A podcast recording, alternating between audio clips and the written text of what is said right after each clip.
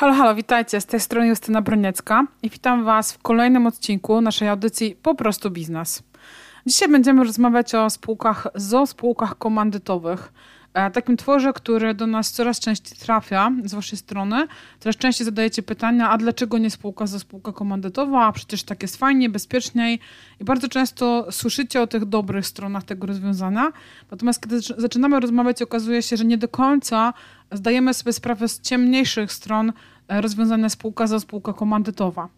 Ale od początku. Spółka komandytowa to spółka osobowa, więc nie podlega pod kodeks spółek handlowych, chociaż jeżeli wspólnikiem jest spółka ZO, to wiele przepisów kodeksu spółek handlowych będzie nas dotyczyło.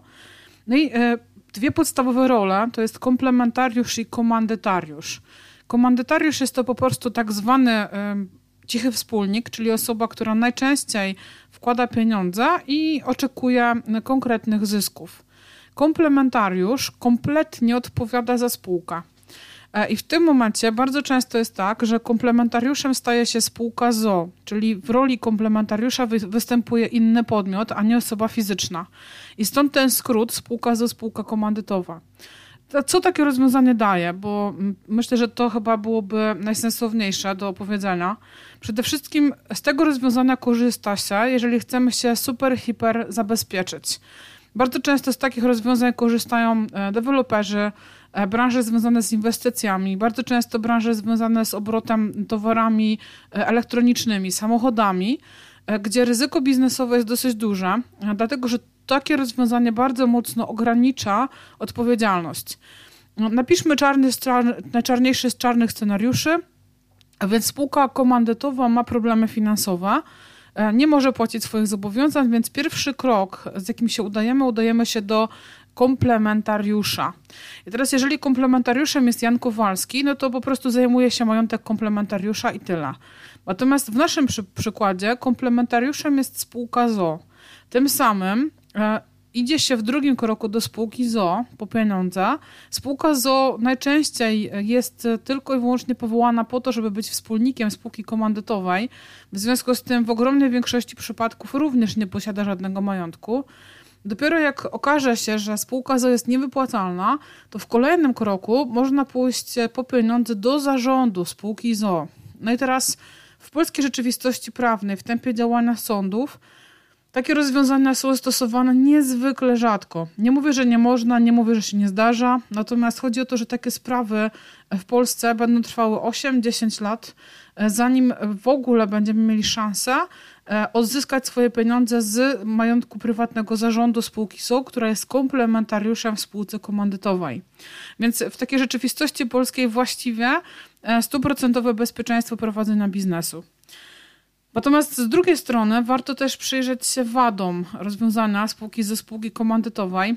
Przede wszystkim macie dwie spółki, czyli macie spółkę ZO, która jest wspólnikiem spółki komandytowej i macie spółkę komandytową. Większość przedsiębiorców absolutnie nie ogarnia, kiedy wziąć fakturę na którą spółkę. czyli nie wiedzą, czy mają brać fakturę na spółkę ZO, czy na spółkę komandytową, kto ma za to zapłacić, kto ma to rozliczyć. to jest jakby pierwsza rzecz. Druga rzecz to y, oczywiście cena. Tak? Cena prowadzenia spółki ze spółki komandytowej jest zdecydowanie wyższa. Niewiele biur rachunkowych e, wie, jak to poprawnie rozliczać, dlatego że z tym związane jest bardzo dużo dokumentów prawnych, e, które powinny w spółce być tworzone, typu uchwały podziału zysku, które powinny być generalnie tworzone co miesiąc. E, oczywiście też to jest uproszczenie, bo wszystko da się obejść, wszystko da się zautomatyzować.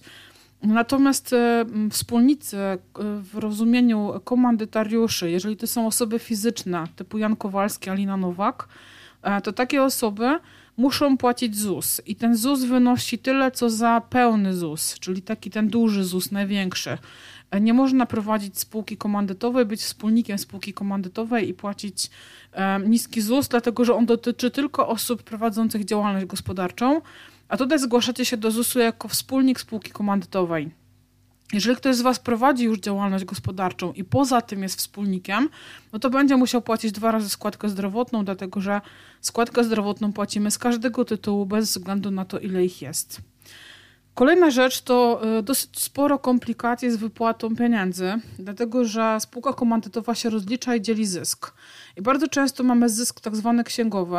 Powiedzmy, że ktoś nam nie zapłacił faktury um, w terminie, no i okazuje się, że mamy zysk księgowy, natomiast pieniędzy na koncie nie ma. Nawet jeżeli pieniędzy na koncie nie ma, to i tak musimy zapłacić podatek od e, wirtualnego przychodu, tak? bo to jest wirtualny przychód, spółka często nie ma nam skąd zapłacić pieniędzy, e, bo nie wiem, fakturę wystawiliśmy w ostatnich dniach miesiąca i jeszcze termin płatności się nie skończył, bo ktoś zapomniał nam zapłacić fakturę, bo się ktoś spóźna. W takim wypadku płacimy podatek od zysku księgowego, a nie od realnego, więc to też jest dodatkowe utrudnienia w prowadzeniu takiej firmy.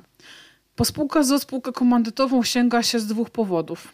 E, pierwszym już, o którym wspominałam, to bezpieczeństwo. Drugie, jeżeli spółka ZO jest zbyt mała, mam na myśli, że ma zbyt małą ilość e, optymalizacji podatkowych, którą da się wykorzystać i wtedy prawdopodobnie taniej jest prowadzić spółkę za spółkę komandytową, wtedy komandytariusze mogą płacić 19% podatku, tak jak to jest e, w przypadku działalności gospodarczych, tak zwany podatek liniowy. E, więc dokładnie wtedy można korzystać e, ze spółki komandytowej i wykorzystać opcję podatku liniowego. Przy czym pamiętajmy, że zawsze mamy zwiększony koszt księgowości, zawsze będziemy mieli opłatę do ZUS-u, więc należy przeliczyć, czy na pewno, oby na pewno spółka za spółka komandytowa jest dla nas odpowiednia. Co bardzo ważne, należy też rozumieć, jak ona działa, dlatego że bez tego nie jesteśmy w stanie w sposób sprawny rozwiązywać finansów firmy, E, jakby dbać o przepływy gotówkowe i zasilać zarówno spółkę komandytową, jak i spółkę ZO. Więc jeżeli ktoś z Was chciałby się dowiedzieć więcej na temat e, spółek komandytowych, e, to zapraszam do naszego PDF-a ABC spółki ZO spółki komandytowej, gdzie wyjaśniamy kim kto jest, kto co może, czego nie może, jak powołać spółkę komandytową. Co więcej, pokazujemy na case study, w jaki sposób rozliczyć spółkę komandytową w danym miesiącu. Tymczasem życzę Wam udanego popołudnia i do usłyszenia kolejnym razem.